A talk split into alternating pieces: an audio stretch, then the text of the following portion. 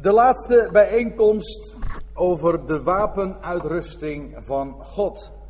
En daarbij zullen we de laatste drie onderdelen, zoals ik dat hier ook op het scherm heb afgebeeld, behandelen.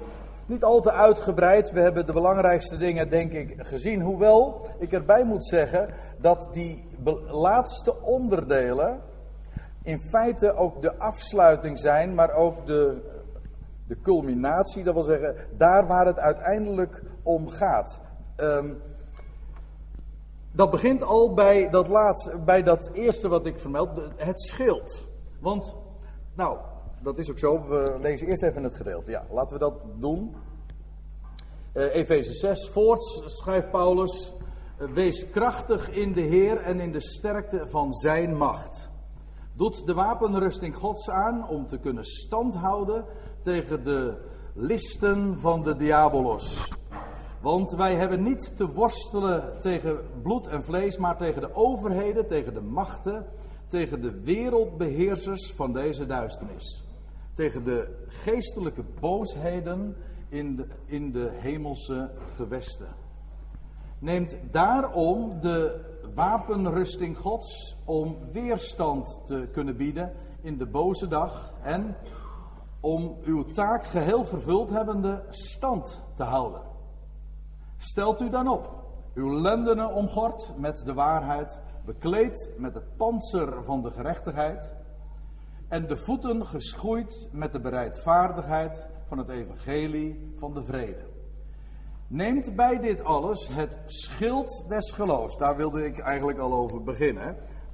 Maar Neemt bij dit alles het schild des geloofs ter hand, waarmede gij al de brandende pijlen van de boze zult kunnen doven.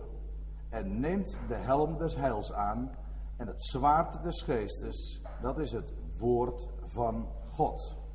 Ja, nou, die laatste vers, vers 16. Neemt bij dit alles, dat wil zeggen, neem na de genoemde kledij dat wil zeggen het panzer, de gordel en het schoeisel, waar we het gisteravond over hebben gehad. Vanmorgen was min of meer een intermezzo, een samenvatting van het geheel. De eigenlijke doelstelling van waar het allemaal om draait bij die wapenuitrusting, namelijk om te blijven staan. Ja, nou goed, we hebben het al gehad over dat panzer, de gordel en het schoeisel. Wel, zegt Paulus, neem bij dit alles ook en nou komt de eigenlijke wapenuitrusting. Want schoeisel en gordel kun je moeilijk, en een panzer, een borststuk kun je moeilijk nog wapentuig, een wapenuitrusting noemen. Maar nu gaat hij het hebben over dat wat je echt de wapenuitrusting zou kunnen noemen. Het, neem bij dit alles het schild des geloofs. Dat schild, eigenlijk is dat een groot schild. Letterlijk betekent dat woord wat hier in het Grieks gebruikt wordt een deur. En dat zegt iets over het formaat van het schild. Het is niet dit, wat u links hier ziet, zo'n klein schild waarbij je voortdurend moet schermen bij uh, een aanval. Nee, het is zo'n groot schild dat het formaat heeft van een deur, eventueel een kleine deur, maar waar je in zijn geheel totaal bent afgeschermd zodat je compleet onaantastbaar bent achter zo'n schild. Het is dus een groot schild met het formaat van een deur.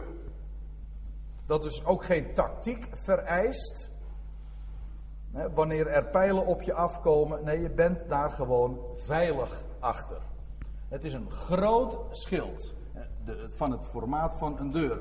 En dat betekent dat het is namelijk het schild van geloof. En geloof, maar daar hebben we het al vaker over gehad, ook dit weekend. Dat geloof, dat is het vertrouwen op het woord van God. Ja, schuilen, want dat is het in dit geval echt. Schuilen, want dat doe je achter een schild, nietwaar? Achter zo'n zo'n zo'n groot schild. Je schuilt achter het woord van God. God heeft gesproken. En dus is het zo. En dan wel tegen alles in. Dat wil zeggen, een mens wordt zo gemakkelijk misleid door zijn zintuigen. Dat geldt al voor de, de, de, zintuig waar we het gemakkelijkst op afgaan, blijkt het meest misleidende zintuig te zijn. Kent u het verschijnsel? Ik vind het, ik, vanaf mijn kinderjaren heb ik dat altijd al heel intrigerend gevonden. Optische illusies. Optische bedrog. Die boeken van Escher bijvoorbeeld, die heb ik destijds versolden. Vond ik geweldig. Nog steeds vind ik het prachtig. Hoe je ogen je kunnen bedriegen. Dat wat we zien is niet zo. De Engelsen zeggen: Nothing is what it seems. Dat is ook zo. Niets is wat het lijkt. En dat is met het woord van God, heeft dikwijls de schijn tegen. Maar, moet je het wel compleet zeggen, de werkelijkheid mee. Kijk, wij zien de dingen niet zoals ze zijn. En dat onze eigen ervaringen, dat wat we beleven, wat, wat onze zintuigen ons zeggen en de conclusies die we daar vervolgens uittrekken. Maar onze zintuigen, wat zien nou onze zintuigen? Wat kunnen wij met onze ogen nou zien? Nou, in wezen helemaal niet veel. Het, verreweg het grootste gedeelte van de waarneembare werkelijkheid eh, onttrekt zich volkomen aan onze waarneming. En dan heb ik het nog niet eens over de werkelijkheid daarachter. En dat is onze ervaringen bedriegen. Maar God heeft gesproken. En dat is een schild waar je altijd achter kunt schuilen. En niet af te gaan. Want kijk, we hebben al. Uh, vanmorgen is dat nog even ter sprake gekomen. We leven momenteel in een huishouding waarbij de Heer zich verborgenheid. Zijn koninkrijk is verborgen. Hij houdt zich verborgen. Hij is, eh, de hemel lijkt als van koper, staat er al ergens in, in de Bijbel. In Deuteronomium wordt dat al tegen Israël gezegd. De Heer zal zijn aangezicht voor u verbergen. In die dagen leven wij nu. En het koninkrijk is verborgen. En de hemel is als van koper. En eh, dat wil zeggen, we kijken naar boven. En, en, en onze beden en onze gebeden lijken daarop af te ketsen. We hebben geen zicht op die God, maar Hij heeft gesproken. En daar gaat het om. In deze tijd komt het helemaal erop aan dat we, ons, dat we blind varen op dat kompas. En dat is, heeft de functie van een schild. Daar ben je werkelijk veilig achter. Kijk, want er staat er ook achter waarmee gij al die brandende pijlen van de boze zult kunnen doven. Ja, hoezo brandende pijlen? Kijk, een gewone pijl is een pijl die verwondt. Maar een brandende pijl is nog veel destructiever. Die verwondt niet slechts, maar die steekt zelfs een heleboel in de fik. Hè? Die, uh, die schakelt het geheel uh, uit. Ja, een algeheel uitschakelt. Dat is waar zo'n brandende pijl voor zorgt. Dat als je geraakt wordt, dat je verwond wordt. Maar bovendien, als er dan er iets anders aanraakt, alles komt in de fik te staan. En die brandende pijlen van de boze, die worden gedoofd door het schild van het geloof. En wat zijn die brandende pijlen? In feite, eventjes terzijde, maar toch een belangrijke zaak. In dit hele verhaal van die wapenuitrusting van God is dit het enige wat genoemd wordt concreet aan confrontatie waarmee we van doen hebben. Er wordt, er wordt verder niet gesproken over andere tegenstanders. Er wordt hier gesproken over die brandende pijlen. Al eerder zagen we dat, dat de machten der duisternis, de wereldbeheersers, zich bedienen van leugen. Ja, en dat, hier wordt het genoemd brandende pijlen. Die je zomaar van je stuk brengen, waardoor je niet blijft staan. In wezen, die brandende pijlen is alles, is alles waardoor je niet blijft staan. En er komt dagelijks op ons af. Kijk, nogmaals, het gaat hier over degene, over de, degene die gelooft, die staat in het evangelie. Als je daarin wilt blijven staan, dan blijkt ook telkens weer, ik zeg niet elke dag, het is niet altijd die boze dag, maar op cruciale momenten blijkt dat er daar die brandende pijlen zijn. En dat kan van alles zijn. Alles wat je van je positie afbrengt, afleidt, Waardoor je niet meer staat op de belofte van God. Wel, dat zijn die brandende pijlen. En dat kan van alles zijn. Dat kan leugens zijn, verwarring, frustratie. Uh, frustraties trouwens ook van je medemensen. Medegelovigen niet te vergeten. Hoe vaak heb ik al niet mensen gehoord die, door, die, die komen in een gemeente, in een samenkomst. En u weet hoe het gaat als mensen bij elkaar komen. En zeker als dat intensief is, dan krijg je heibel. Toch? Oh, u zegt dat is bij gelovigen niet het geval. Dat is allemaal, dat is altijd pais en vrede. Het is altijd zo heerlijk om bij elkaar te zijn. Ja, dat is ook zo. Weet je wat heerlijk is? Om bij elkaar te zijn rondom het woord van God en elkaar gewoon volmaakt te zien in Christus.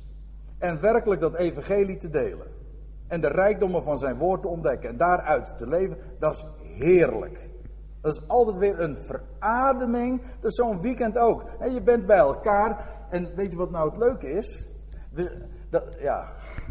Wij kennen elkaar niet al nou ja, sommigen misschien wel een beetje, maar wij, kunnen, wij kennen elkaar niet al te zeer naar het vlees. En ik denk wel eens, nou ga ik iets riskants zeggen, maar goed, uh, we zijn onder elkaar. Uh, dat moeten we vooral zo houden. Het is niet zo moeilijk om iemand die ik nauwelijks uh, ken, uh, om die als volmaakt te zien, want ik ken namelijk helemaal niet diens falen. Of die, uh, al die nare eigenschappen. Daar kom je pas achter wanneer je er wat intensiever mee leeft. als je bijvoorbeeld de vrouw bent van de Bijbelleraar. of of je, je bent een kind daarvan. Ik bedoel, degene die je wat beter kent, die weet ook je negatieve kant. En dan, ken je, dan ga je elkaar kennen naar het vlees. En dan, zeg, en dan zeg je van ja, maar weet je niet dat die, uh, die, die eigenschap ook heeft? Dat, dat deugt er ook helemaal niet aan. En dan is, dat, is, dat maakt het heel moeilijk. En dan kan het, dan kan het samenleven als gelovige heel frustrerend zijn. Want je, raakt, je kan teleurgesteld zijn, raken in jezelf. Nou, daar hebben we het ook al over gehad dat worstelen met het vlees. Daar hadden we het gisterochtend over. Maar je kunt ook enorm te maken hebben, gefrustreerd worden door medegelovigen.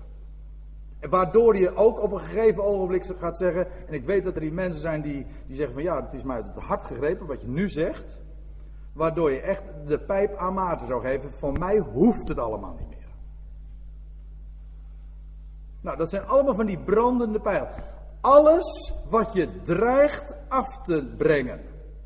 Van dat woord van God en zijn belofte en de vreugde daarvan, dat zijn die brandende pijlen. En weet je wat? Ja, nou, daar zijn, waar, Paulus over spreekt, is over die lendenen om God met de waarheid, dat je de waarheid kent. Hè, dat je die waarheid recht doet. Dat je je voeten geschoeid hebt met evangelie van vrede. Dat je werkelijk een evangelie kent. Dat je daar dag in en dagelijks in geschoeid bent. Dat je met die schoenen eh, op, de bodem, op de grond staat, op de aarde staat. Ja, maar waar je mee te maken hebt is met die brandende pijlen. Beschuldigingen, frustraties. Nou, wat heb ik allemaal niet genoemd? Tweedracht, ruzies, twijfels, ontrouw.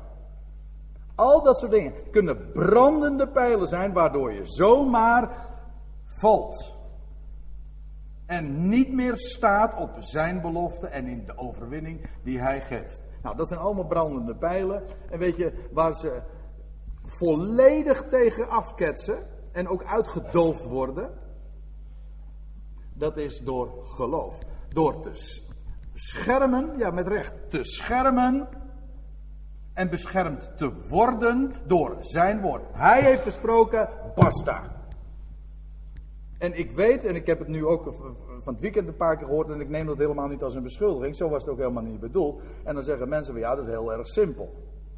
Ik zeg, nou als het zo simpel was, hè, u, u, voelt hem al aankomen, als het zo simpel was, zo simpel is het namelijk helemaal niet. Ja, om rationeel kan, is, is hier geen spel tussen te krijgen. Gewoon staan op dat wat God gesproken heeft. Wat is er simpeler dan dat? Ja, maar nou de praktijk. Nou morgen en overmorgen. En dan te gewoon te blijven staan. Niet alleen s morgens is opstaan, maar gewoon de hele dag. Als je, als je gevallen als je struikelt. Nou en? De Heer gaat toch wel zijn weg met jou, maar sta daar iedere keer weer op en in. En leef daaruit. En al die, die, dat woord van God heeft de, de potentie, de kracht en de beschermkracht om al die brandende pijlen, al, om je daarvoor te beschermen en die te, uit te doven, zodat ze compleet niets uit kunnen richten. We hebben niets, dan hebben we ook niets te vrezen van de vijand. Helemaal niets. Goed, en neemt staat er letterlijk, maar dat woord moet u eigenlijk, of neemt aan, nou, dat is, het is niet aannemen. Staat er in, ja, in onze vertaling staat dat er wel, maar het staat letterlijk ontvangt. Vanmorgen had ik het ook nog eventjes uh, over, is het niet, uh, Stefan? Ja, over dat, dat, dat was even in, in, in een ander verband. Uh, dat, daar staat uh, in Colossense 2 van gelijk gij Christus Jezus geaccepteerd hebt, stond er in een Engelstalige vertaling. Wees Stefan van boven nog eventjes op. Maar dat staat niet geaccepteerd of aangenomen, maar er staat ontvangen. We hebben Christus Jezus niet aangenomen. Ja, ik weet, dat is ook evangelisch vocabulaire. We hebben Christus Jezus niet aangenomen. Nee, we hebben hem ontvangen. Iets wat je aanneemt, zou je ook kunnen verwerpen. Nee, we ontvangen het gewoon. Je krijgt gewoon in de schoot geworpen. Welk voorbeeld gaf Stefan toen ook? Ik blijf er eventjes bij. Hij zegt van ja, ehm, er zijn dingen, een cadeau kun je aannemen en je zegt van nee, ik hoef het niet. Maar er zijn ook dingen die je gewoon ontvangt. Je ontvangt leven. Je ontvangt eh, adem. Dan kun je niet zeggen van nee, doe ik nou, ik ga nou van die adem, ik neem het niet aan. Probeer het maar eens. Nee, dat ontvang je gewoon. En, en, dat hier, en dat woord wordt hier ook gebruikt. Wordt hier niet over accepteren gesproken, maar ontvang dat. En dat is frappant, want er werd gesproken in vers 11 met doet aan. In vers 13 neemt op. En nu staat er ontvangt. Dus je bent omgord met de waarheid. Je doet die recht, zoals je met dat borstharnas, weet u wel. Je hebt die, die, dat schoeisel van het evangelie van de vrede aangetrokken. Daar, dat is je schoeisel, daarmee ga je deze wereld in. Ja, en dan staat er hier nu. Uh, en dat schild heb je, daar schuil je achter. En dan, er staat ontvangt de helm des heils. Of letterlijk staat er gewoon de helm van de redding. Heil betekent gewoon redding. Als ik me niet vergis staat er in de Statenvertaling der zaligheid. Maar al dat soort uh, hoogdravende woorden betekenen gewoon letterlijk redding. Die helm van redding. Een helm, het Griekse woord wat er uh, voor gebruikt wordt, dat is letterlijk een omhulling van het hoofd. Dat, dat is precies namelijk wat een helm is. Het beschermt het hoofd. Het beschermt het verstand of de hersenen of het denken. Ja. Weet je waar ik daar nu aan moet denken? Ja, aan wat er in. Uh, nou, moet ik het wel goed doen. Ja. In Filippenzen 4 staat. In Filippenzen 4 wordt gesproken over de vrede Gods die alle verstand te boven gaat. De vrede van God, dat is de vrede die God zelf heeft. Vanmorgen hadden we het even over Romeinen 5, dan wordt er gesproken over de vrede met God. Dat wil zeggen, wij hebben vrede met God, wij kunnen hem recht in de ogen zien, de, de relatie is volstrekt clear, hè? dus daar is niets tussen hem en ons in. Maar de vrede van God is de vrede die hij zelf heeft. In alle omstandigheden. Gods troon wankelt niet. God weet, er gaat niets mis. Kijk, en die zekerheid, die vrede die God zelf heeft. Ik bedoel, als er één, één iemand is die weet van de pijn en de moeite, dan is hij het. En hij leidt, lezen we in de Bijbel ook, met deze wereld mee. En tegelijkertijd is hij ook degene die als geen ander weet dat het allemaal gaat naar zijn plan. En daarom heeft hij vrede. Nou, de vrede die hij heeft, die zal ons, zo staat het, die alle verstand te boven gaat. Dat wil zeggen, we begrijpen daar helemaal niks van. Hoe kan die God nou vrede hebben met alles wat er gebeurt? Ja, en toch heeft hij dat. Want hij weet namelijk, kijk, we hadden het net over onze bedriegelijke zintuigen. Maar hij overziet alles. Ook het einde. Hij weet waar, hij kent alles. En daarom weet hij ook dat er niets misgaat. En daarom heeft hij een vrede die alle verstand te boven gaat. Maar die vrede van God, die zal uw harten en uw gedachten behoeden in Christus Jezus. Dat wil zeggen, onze hele denkvermogen, onze gedachten, die worden beschermd, behoed. Staat hier letterlijk trouwens zoiets als in een vesting, als in een burcht. Compleet onaantastbaar. En onze gedachten zullen gekenmerkt en beschermd worden door de vrede van God. Maar dan moet ik er eigenlijk wel iets bij zeggen. Want er wordt, hier, er wordt hier gesproken, die vrede Gods, die zal uw harten en uw gedachten behoeden. Wanneer? Wanneer? Dan moet je even teruglezen. Daar wordt gezegd in vers 6, wees in geen ding bezorgd. Dat wil zeggen, er wordt voor je gezorgd. Als er voor je gezorgd wordt, kan ik zeggen, nou, je hoeft je helemaal geen zorgen te maken, want er wordt voor je gezorgd. En dat is precies de boodschap. Hij is het die voor ons zorgt, hij voorziet in onze behoeften en hij geeft ons wat nodig is naar zijn rijkdom. En daarom zegt Paulus heel laconiek: wees in niets bezorgd. Zei iemand die in de gevangenis zat. Hm? En, die, en die heel veel kopzorg had, zou je zeggen: wij wees in niks bezorgd. Maar laten bij alles uw wensen door gebed en smeking met dankzegging bekend worden bij God. Dat wil zeggen, als daar wensen zijn, en je hebt altijd wensen, je hebt altijd vragen, en dat is nou het geweldige, we hebben vrede met God, we brengen dat ter sprake. En we leggen dat allemaal bij God neer. Niet je zorgen bij Hem neerleggen. Hoezo? Het idee hier is, we zijn in niks bezorgd en als je vragen hebt en je hebt wensen met betrekking tot je gezondheid, je, je mag het allemaal bekendmaken bij Hem. Zeg het maar, wat je graag wil. Zeg het maar. En dan kun je Hem danken op voorhand. A. Dat Hij bij machten is het te geven. Maar B, wat nog veel groter is, dat Hij hoe dan ook jou het allerbeste gaat geven.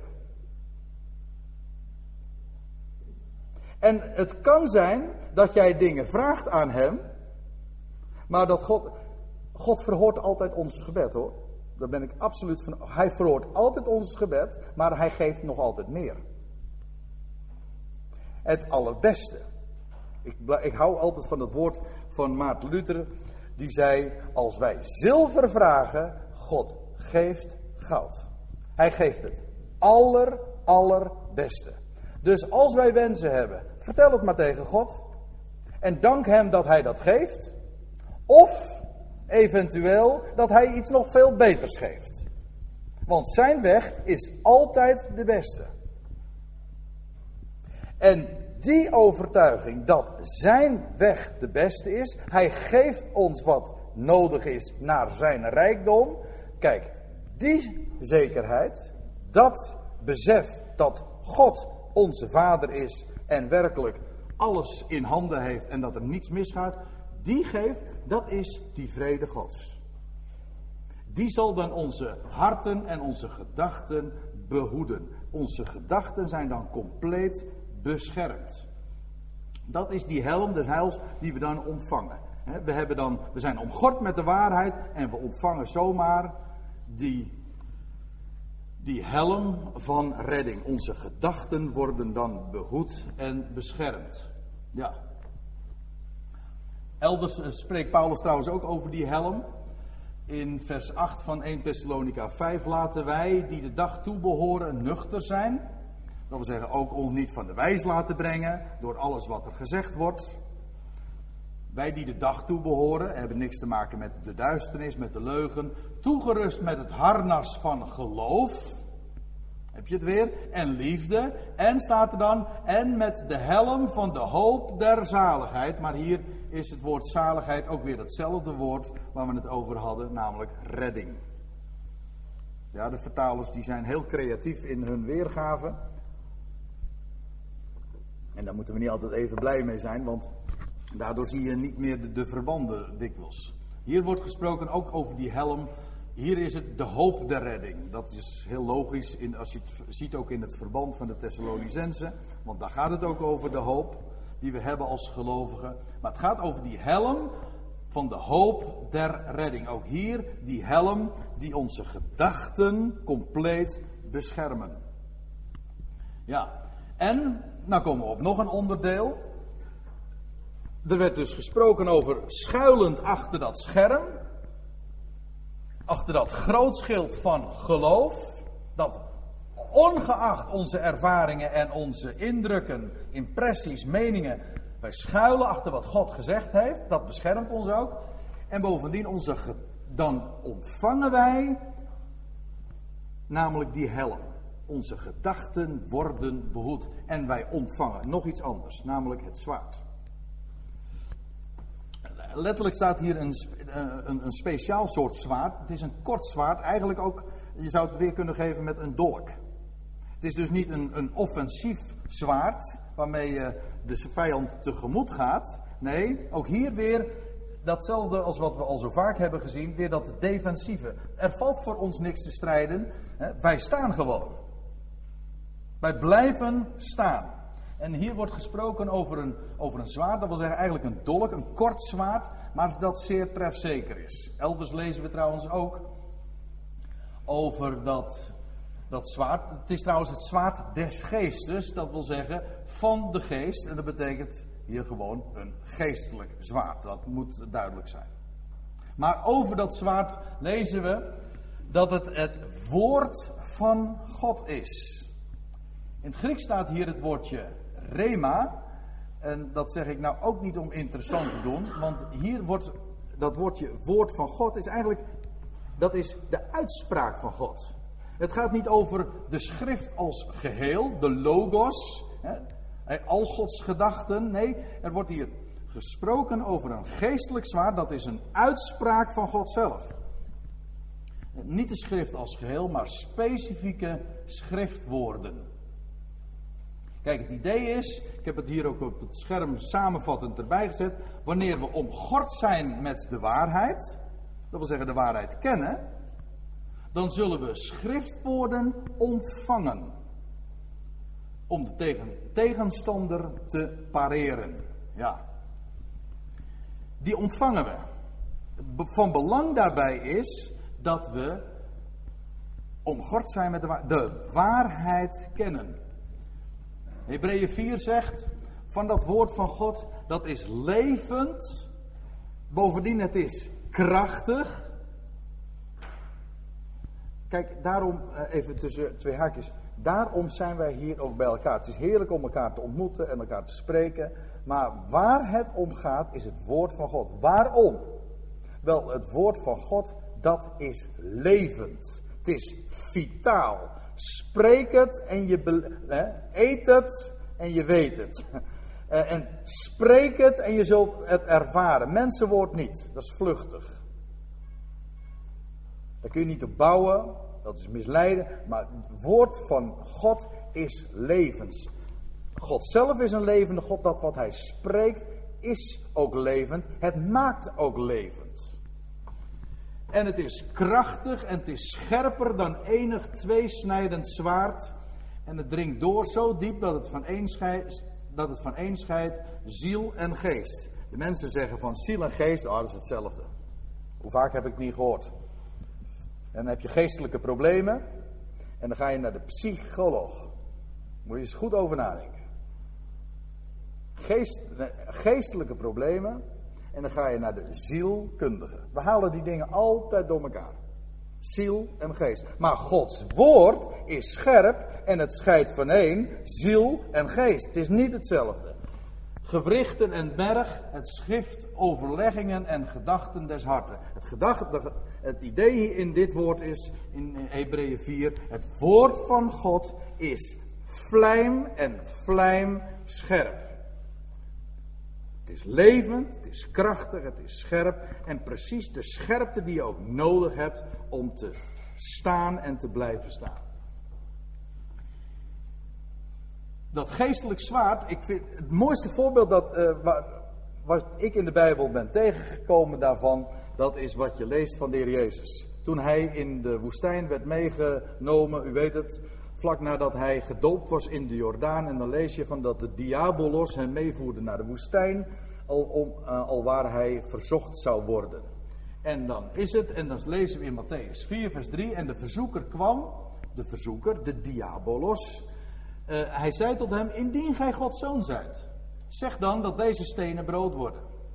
Maar hij antwoordde en zeide: Er staat geschreven. Niet alleen van brood zal de mens leven, maar van alle woord dat uit de mond Gods gaat. Feitelijk is het zo dat de Heer Jezus zegt niet alleen van brood, maar van dat waar brood een beeld van is, namelijk het woord van God. Daar leeft een mens van. En waar het me nu even om gaat, is hij, de Heer Jezus wordt geconfronteerd met verzoeking misleiding. En wat doet hij? Hij gebruikt dat zwaar. De uitspraken God. Hij zegt er staat geschreven. Een schriftwoord is genoeg. Was er hier ook het geval. Hij, hij was omgord met de waarheid. Dat wil zeggen, hij kende de schrift. Hij kende de waarheid. En hij kon er ook daadwerkelijk dat woord hanteren. Hij kon zeggen, er staat geschreven. Einde oefening. Dat en daarmee punt, of zo u wilt, een uitroepteken. En even later lees je trouwens ook, want uh, dat is namelijk ook nog eens het geval. Een zwaard is wat je ook uh, moet hanteren. Maar weet u wat de ellende is? De diabolos is, ja, ik vind het uh, heel jammer om te zeggen, de diabolos is een theoloog. Dat wil zeggen, hij, hij is beroepsmatig altijd bezig met het woord van God. Te verdraaien.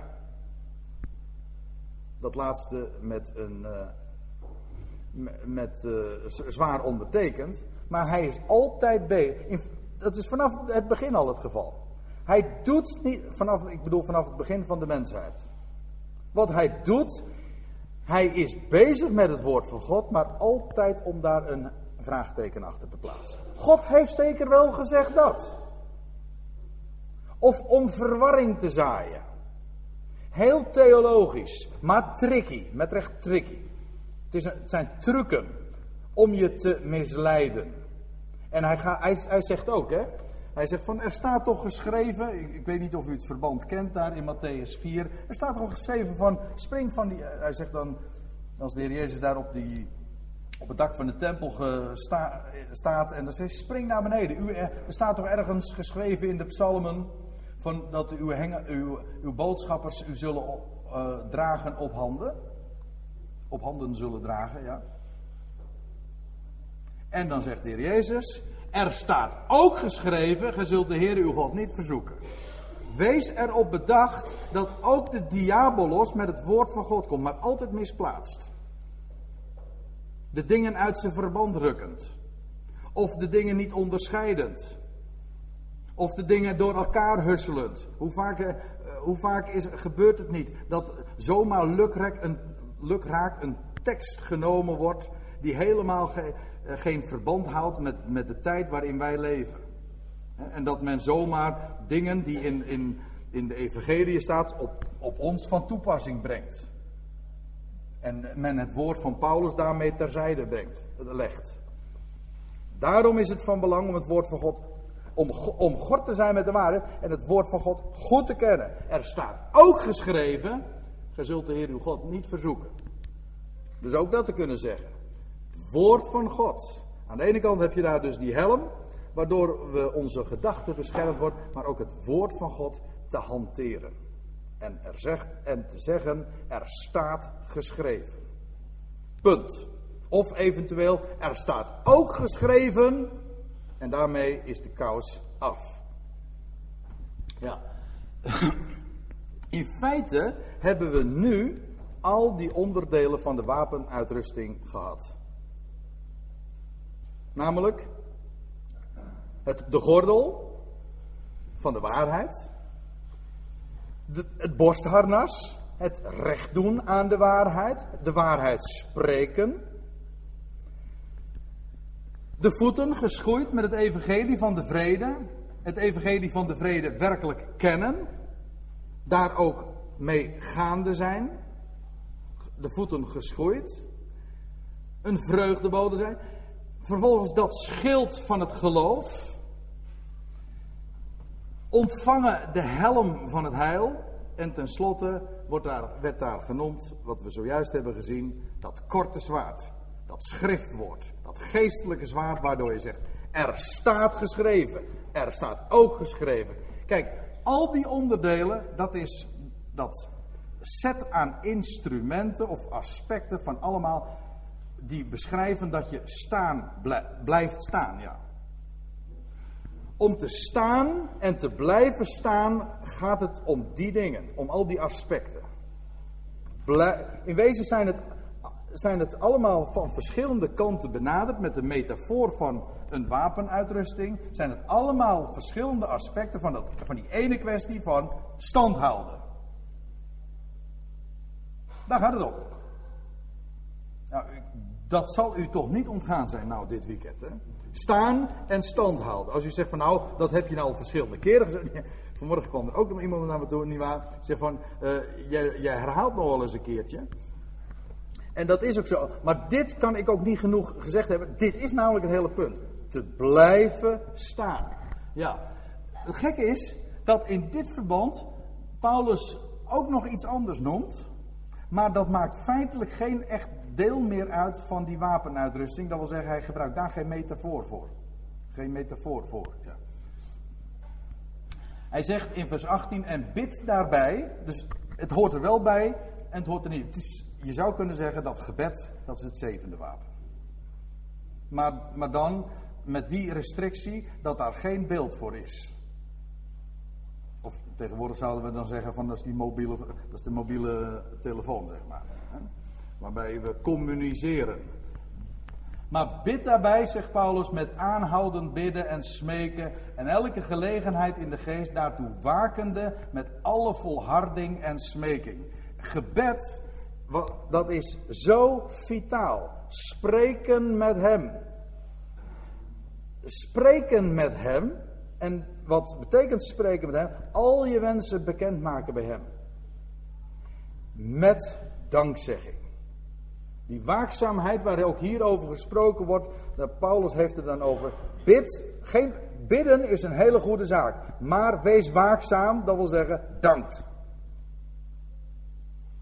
Bid zonder ophouden, jawel, maar dankt onder dat alles. Niet iedereen eh, pakt het goed op, heb ik gemerkt. Maar ik blijf zeggen dat gebed geweldig is. Maar het kan zelfs heel destructief zijn als je daarbij niet waakzaam bent. Als, je daarbij, als dat niet ingebed is, dat is een mooi woord in dit verband. Niet ingebed is in dankzegging. Namelijk dat zijn weg altijd de beste is. En dat hij ons geeft in zijn overvloed. Naar de rijkdom van zijn wil.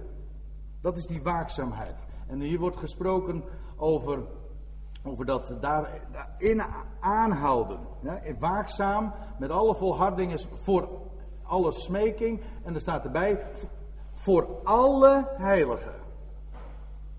Dat, staan, die wapenuitrusting, het is niet alleen maar een kwestie van staan, maar het is ook samen staan. We horen bij elkaar, daarom zoeken we elkaar ook op. We vuren elkaar ook aan. Dat is ook de grote functie van elkaar ontmoeten. Een mooi woord, hè? Ontmoeten.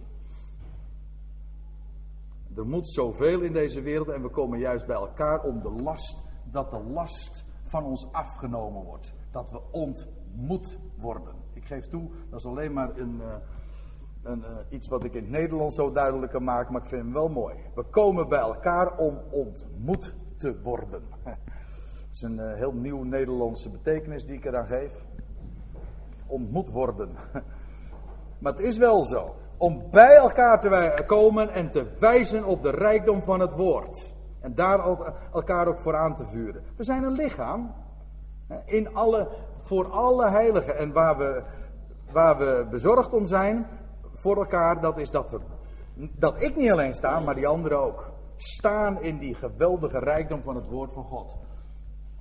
Paulus had geschreven in in Efeze 4, daar ben ik vergeten erbij te vermelden, maar er staat elkaar in liefde te verdragen en u te beijveren de eenheid van de geest te bewaren door de band van vrede. Ja, die eenheid van de geest die is er hoor. Sommige mensen denken altijd maar in termen van organisatorische eenheid, maar er is één ding wat mij wel duidelijk geworden is in de loop der jaren, dat er niets uh, breekbaarder is als een organisatorische eenheid. Er is wij hoeven geen eenheid te maken, die eenheid is er gewoon. Daar waar wij, we zijn één in het, zo zingt een lied dat ook, hè? Zingen we in een lied, één in het geloof der schriften. We kennen die ene naam en dan zijn we één. En die eenheid beleven we en daar zijn we zuinig op. Die bewaren we gewoon. Die kan ook trouwens niet aangetast worden. Je kan alleen wel in de praktijk, uh, doordat je de vrede niet bewaart, hm, ruzie zoekt daarover bijvoorbeeld, maar dat je die eenheid koestert, die eenheid bewaart, bij elkaar komt en zo ook samen met alle heiligen zoveel meer nog gaat ontdekken. En dan zegt Paulus, terwijl hij het heeft over dat gebed en dat waakzame gebed, ook voor mij, zegt hij, dat mij bij het openen van mijn mond het woord geschonken worden. Let op, weet u wat Paulus zegt? Dat is zo frappant, hè? Heeft hij over gebed. Maar hij vraagt niet, hij, zegt, hij vraagt niet, bid nou voor mij dat ik uit de gevangenis bevrijd word. Kijk, we worden aangemoedigd, ziet u dat van buiten? Wat geweldig is dat toch? Dat ze aan ons denken. Jo, je zal er maar zulke kinderen hebben. Maar.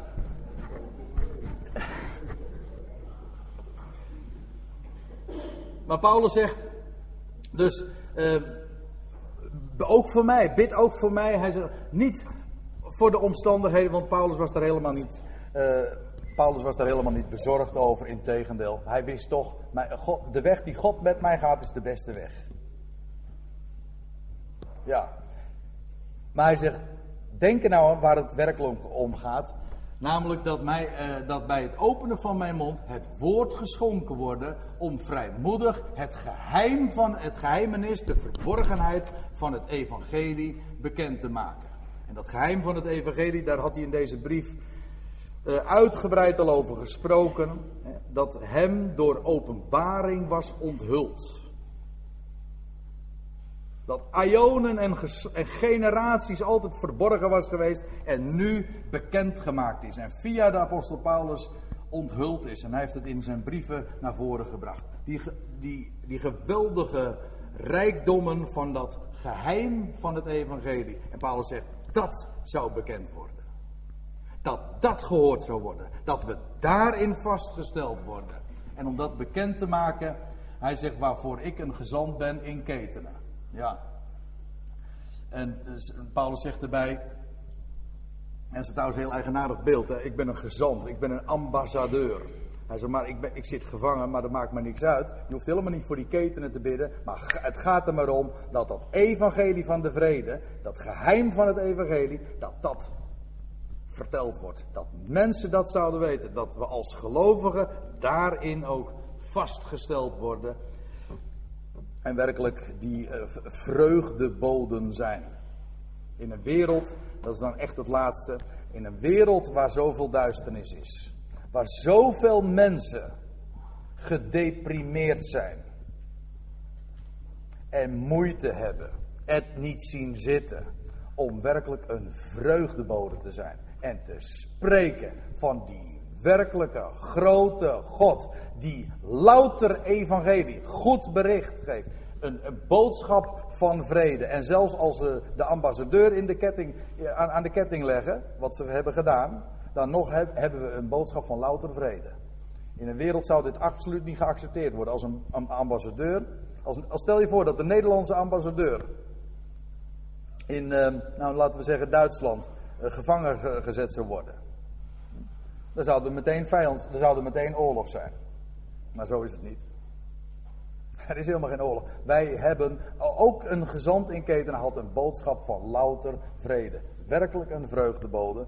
Wel, dat is precies ook waar we zelf ook ingaan. Geschoeid met dat evangelie van de vrede.